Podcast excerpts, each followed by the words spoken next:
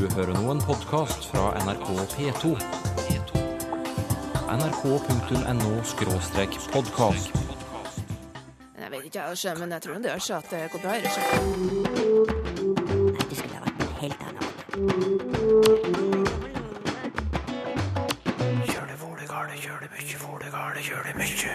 I Norge er dialektbruk akseptert på alle arenaer i samfunnet. I politikk, Da tenker jeg at eh, vi må kunne tenke at de som får næringsliv, Og når jeg sier det danske 7-Eleven eller Rema 1000 når de er med her på besøk kongehus For meg så er det viktig å ta valg som er godt fundert i mine verdier som menneske. Uansett sosial status kan du snakke dialekten din. Men hvordan er det i de skandinaviske nabolandene våre? I Danmark og Sverige? Helge Sandøy, hva sier du?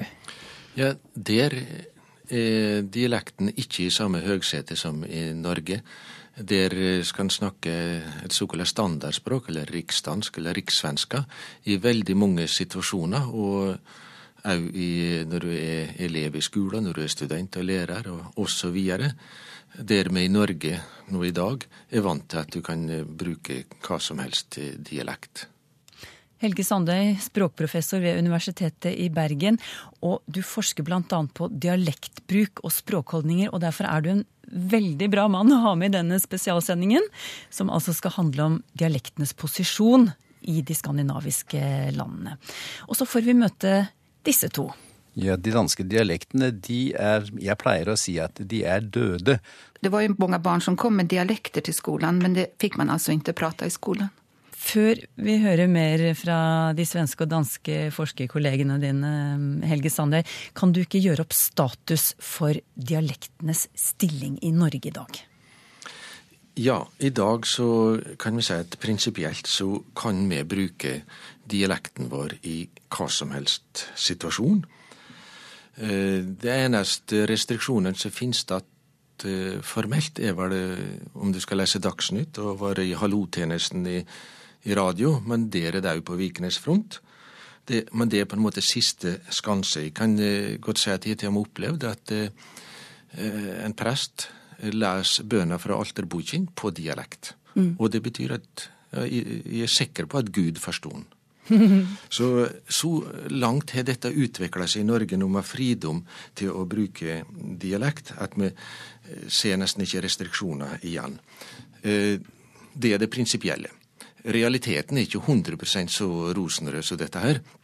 Fordi at eh, denne fridommen føles det ikke like stor for eh, de som er i alle landsdeler, og da er det nok mest på Sør-Østlandet at de tradisjonelle dialektene der eh, ikke vil bli brukt på samme måte. Og de føler kanskje da at den er noe mer mindreverdig. Så de opplever nok litt av disse gamle tradisjoner, og som for så vidt er den europeiske tradisjonen òg, med at dialektene er mindreverdige. Og det gjør at vi har en viss arv igjen, der dialektene f.eks. blir brukt til å latterliggjøre eller til å representere eh, noe negativt. Men i dag så er vi kommet et godt stykke vekk fra det. Ja, et godt stykke vekk ifra det, sier du. Og når kom vendepunktet her hos oss i Norge med, med tanke på dialektene og sta, deres status? Vendepunktet kommer på 70-tallet. Ja, hva skjedde da? Da eh, skjer eh, det at eh, vi får en eh, distriktspolitikk. Det ble stor uh, motstand mot sentraliseringspolitikken som har rådd etter krigen, da på slutten på 60-tallet.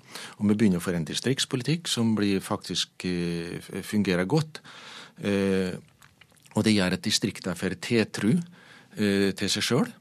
Og det motarbeider sentralisering, og det får også kulturelle konsekvenser. De distriktene, regionene, får kulturelle institusjoner som, gjør, som bygger opp deres sjølkjensle. Og vi får da òg etter hvert den derre aktive deltakende på veldig mange samfunnsområder, der større og større deler av befolkningen er med. Og da ser vi at dialektene kommer i bruk, og det blir mange som går i fronten for å bruke dialektene, markere det spesielt, og vi får det som heter eh, dialektbølger, som kom samtidig med alle grasrotrørsla utover 70-tallet. Så det var et veldig viktig kulturelt tiår i Norge. Mm. Det er mange som eh, trekker fram visebølgen også på 70-tallet. Man begynte å synge på dialekt. Nettopp. Og det var slike frontfigurer som var og som var katalysatorer for å, for å drive fram eh, den nye holdninga til dialektbruk. Du, La oss ta turen til Sverige nå. Og, og Eva Sundgren hun er språkprofessor ved Mälardalens høgskola i Eskilstuna. Hun forteller at helt til utpå 60-tallet ble svenske barn nektet å snakke dialekt på skolen. Ja, da var det så at normen var at man skulle prate standard.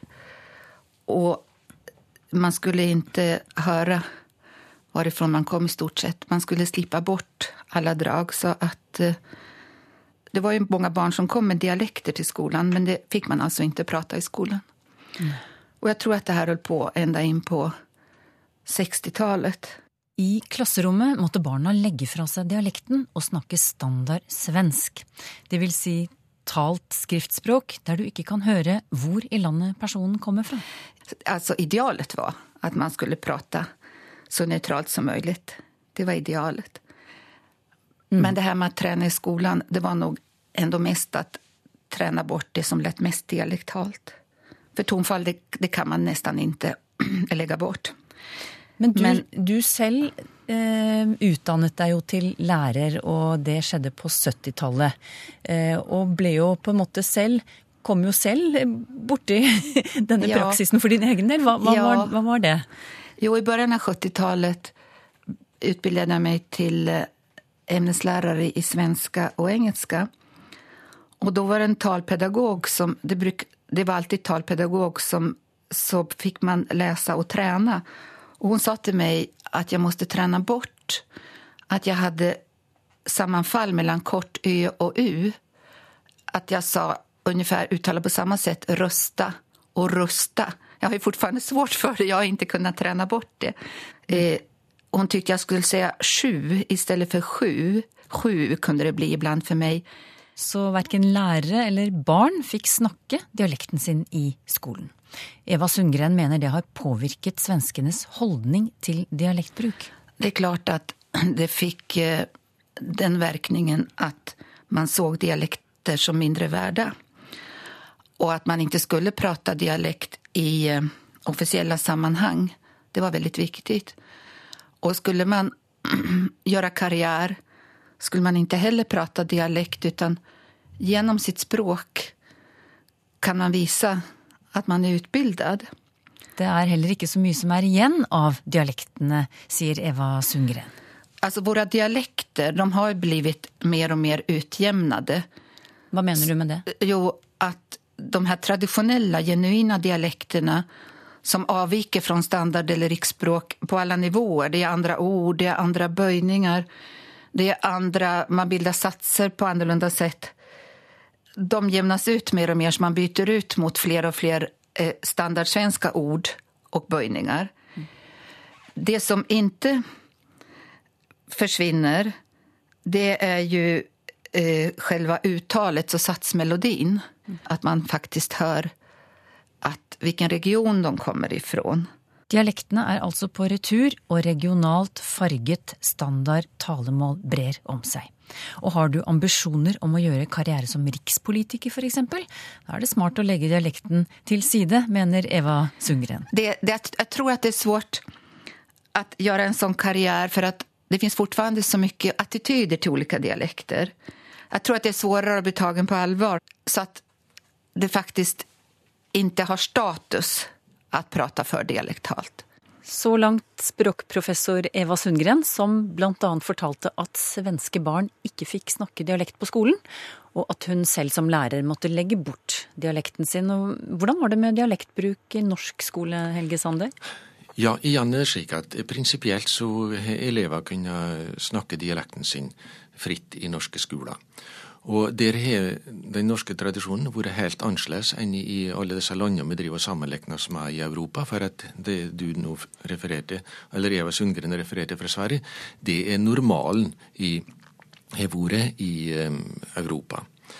Men i Norge så fikk vi den situasjonen at i 1878 så ble det vedtatt ei føresegn for skoler i Norge at undervisningen skal foregå på bøndenes eget talespråk, mm. som det heter. Det betyr da at da skulle elevene kunne bruke dialekt, og ikke nok med de, det ble ei forskrift etter hvert at læreren var de som skulle tilpasse seg elever. Altså Det betyr da i praksis på at en skulle bruke ord som, som elevene kjente. Og det betyr altså at det var elevene som var satt i høgsetet, og eh, standardspråket skulle ikke påtrenges dem.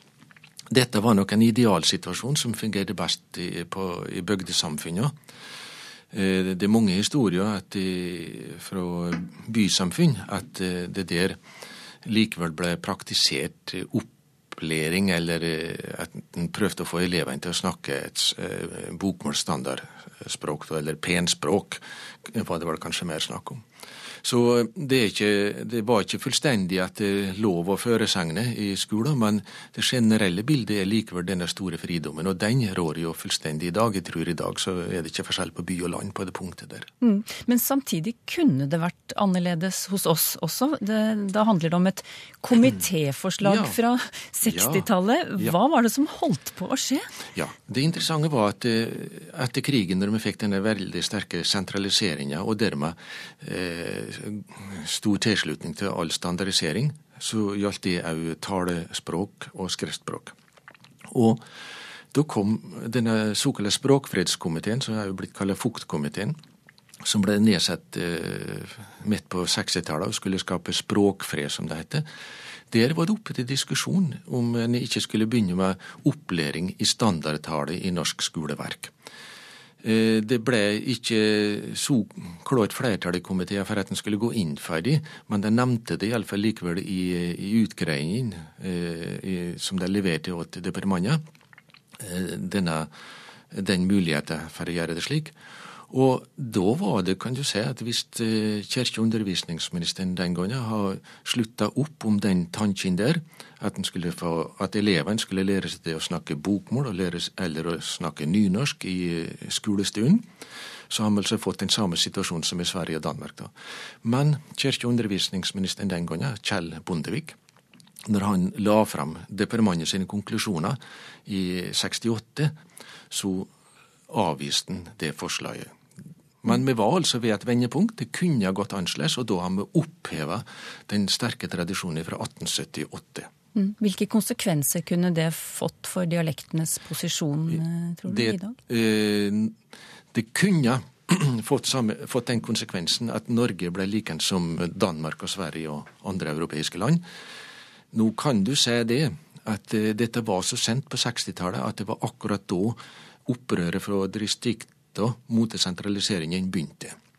Så det kan hende at eh, det har blitt stoppa uansett. Mm.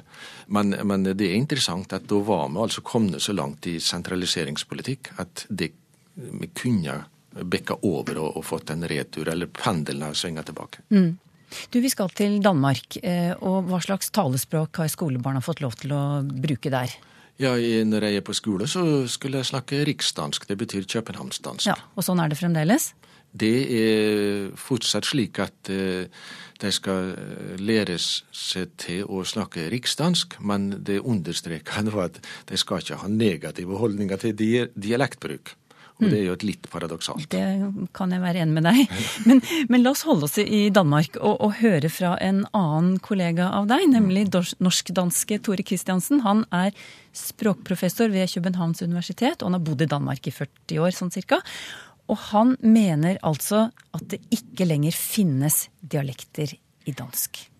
Ja, altså, jeg hadde en uh, god uh, kollega som, som uh, på et tidspunkt brukte det bildet, kan man si, på hva som er skjedd med de danske dialektene. At hvis det kom La oss bare si en, en guttunge på 15 år som hadde vokst opp i la oss si Vinderup på vestkysten for 100 år siden, altså 1915.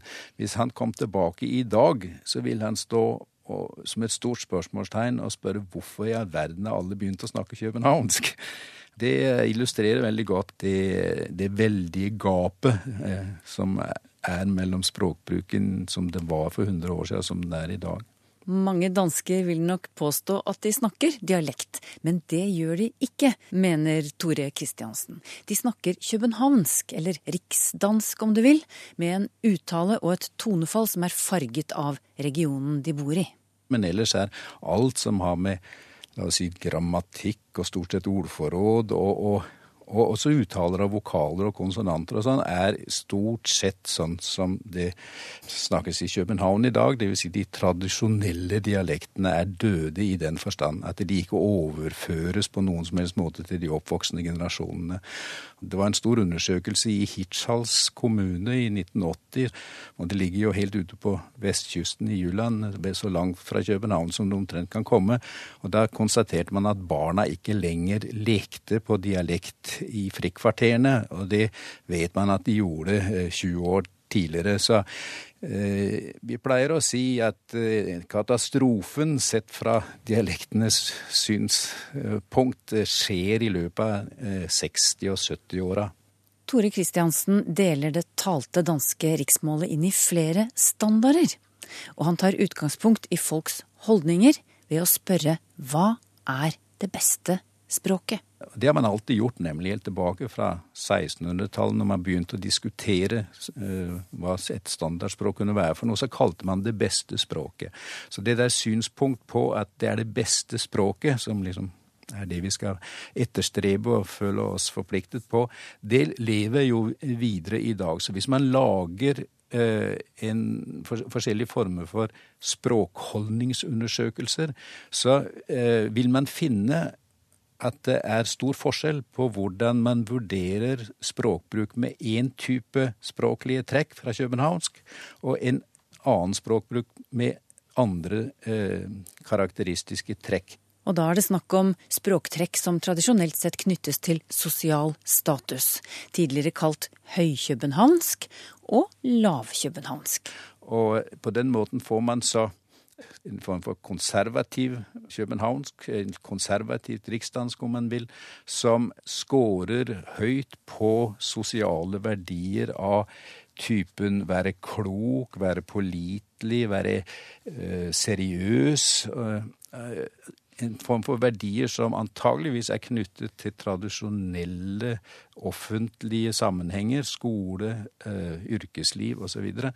På en annen side så Eh, får vi så resultater hvor eh, språkbruk med en del tradisjonelle lavkjøpenhavnske trekk scorer høyt på verdier som å være eh, sjekket, som vi sier på dansk, altså cool. Eh, mm.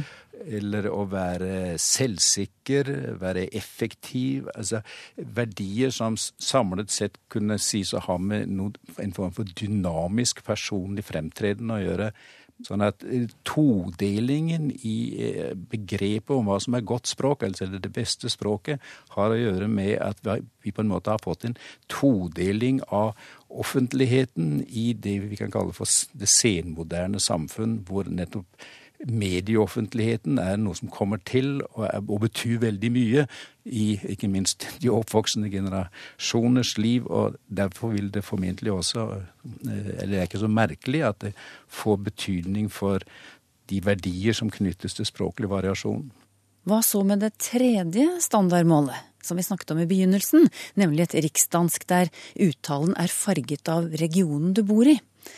Det scorer ikke høyt på holdningsundersøkelsene, forteller Tore Kristiansen.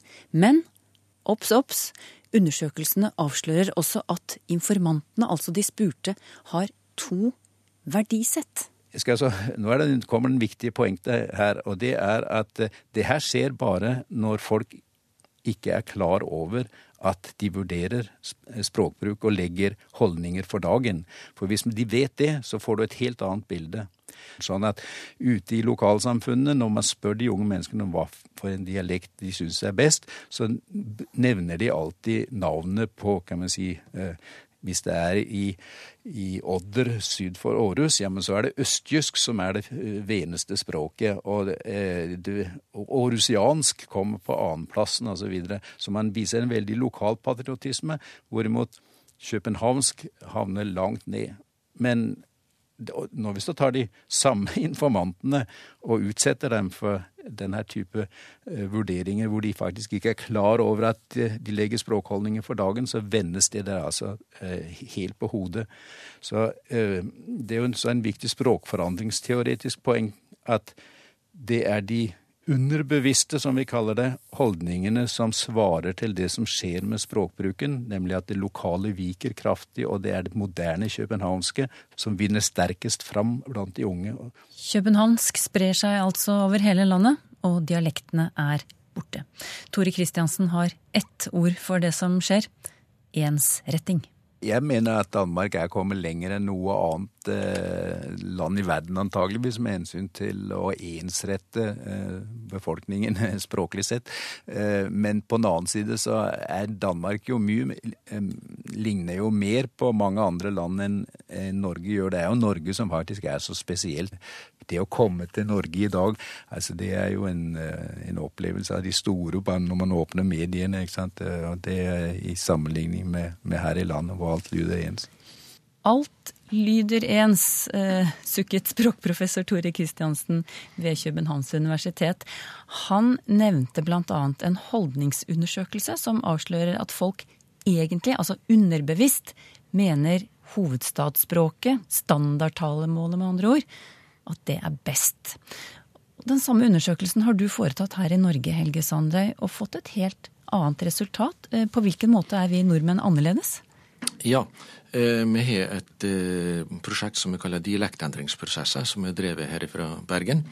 Der vi undersøker dialektutvikling og, holdninger til dialektbruk. Og dette prosjektet det er laga svært parallelt til tilsvarende prosjekt i Danmark. Og en del andre land. Og vi gjør det da veldig likt fordi at det skal kunne sammenliknes. og vi må passe godt på det metodiske her, at vi gjør det nøyaktig på samme måte, så vi er sikre på at resultatene våre eh, stemmer, og at vi ikke snakker forbi hverandre. Og når det gjelder holdningsstudier, da, så eh, må vi gå veldig nøyaktig til verks, og der deler vi inn holdningene våre i to hoveddeler to hovedtyper, kan vi si. Vi snakker om bevisste holdninger. Da spør vi eh, folk, eller informantene våre, direkte om hva de mener om det og det. Og når vi da stiller spørsmål f.eks. om hva mener du at folk i Norge oppfatter som det mest prestisjefylte språket i Norge, så vil alle sammen svare det samme. Eh, nemlig at det er da Oslo vest-språket som er høyest prestisje. Og det er noe vi forventer alle sammen. Det er en del av kulturen vår. Og har vært slik i lang tid at vi betrakter den dialekten som den mest statusprega, og det har da selvsagt sammenheng med at der er den sosiale eliten har vært plassert i flere generasjoner. Og det er det tilsvarende resultatet vil en finne i andre land. Så kan vi spørre på en litt annen måte. Så spør vi Eh, hva språk eller hva dialekt synes du er finest? Og så ber vi dem da rangere en del dialekter. Da ser vi det resultatet at eh, da er det ens egen dialekt som en setter høyest på rangeringa. Og det er et tilsvarende resultat som det da får i Danmark. Eh, så, og det tolker vi da slik at spør du meg det ordet Eh, der med hva er finest, så stimulerer vi eller vekker vi en type lokal lojalitet med individet, individer. Mm. Mm. Og da snur en opp ned på bildet. Ja. Eh, og, og, for da er det ikke prestisje en spør etter, men da noe helt annet. Så vi ser at holdninger kan være forskjellige ting. Og på de punktene her så er vi da like hverandre i, i Danmark og Norge og i flere andre land som tilsvarende undersøkelser er gjort i. Så har vi da dette var de bevisste holdningene. Så jeg må underbevisste holdninger. Det en da må gjøre, er å lage en gransking der eh, folk eller informantene våre ikke vet at de blir utsatt for en språkgransking, og at det er språket som er av interesse. Vi spiller av en god del lydkutt med der det er brukt eh, forskjellige dialekter.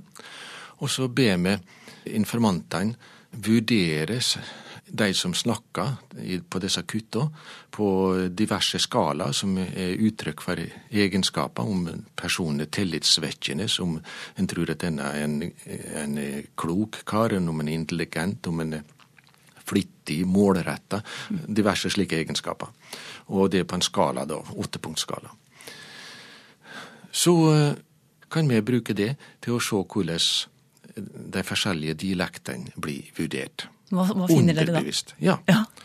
Og du hører resultatet fra, Sverige, eh, fra Danmark. Da Da er det københavnsk som kommer på toppen, altså det språket som fikk status òg ved bevisste holdningsgranskinger. Mm.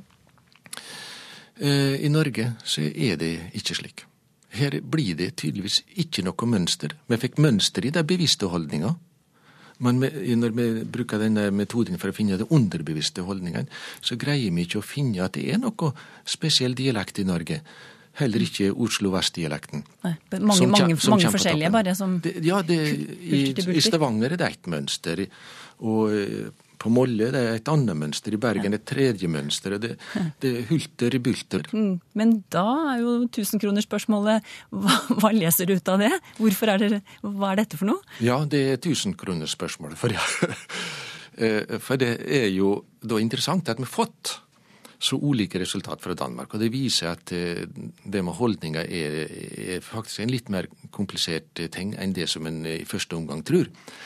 Og da kan en stille det spørsmålet, eller den eh, tesen, da, hypotese kunne vi kalle det i forskning, er at holdningene som du får fram gjennom underbevisste granskinger, de er et resultat av de erfaringer som mennesker får i samfunnet ved å ha levd i samfunnet en del år og observert eh, hvordan språk blir brukt rundt en, og hvordan eh, ulike stemmer og ulike dialektbruker blir brukt i forskjellige roller i samfunnet.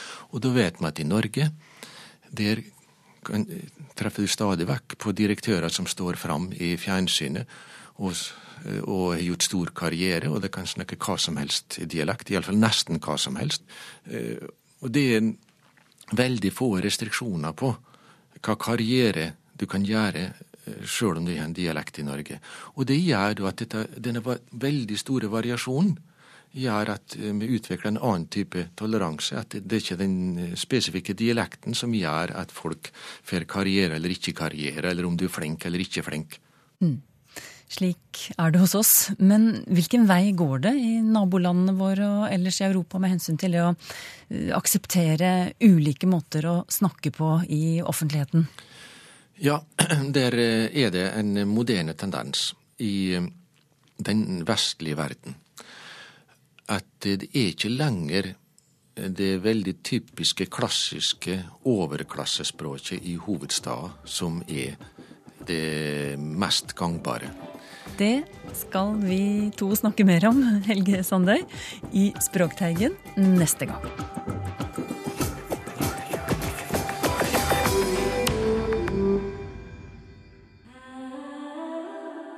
nrk.no podkast.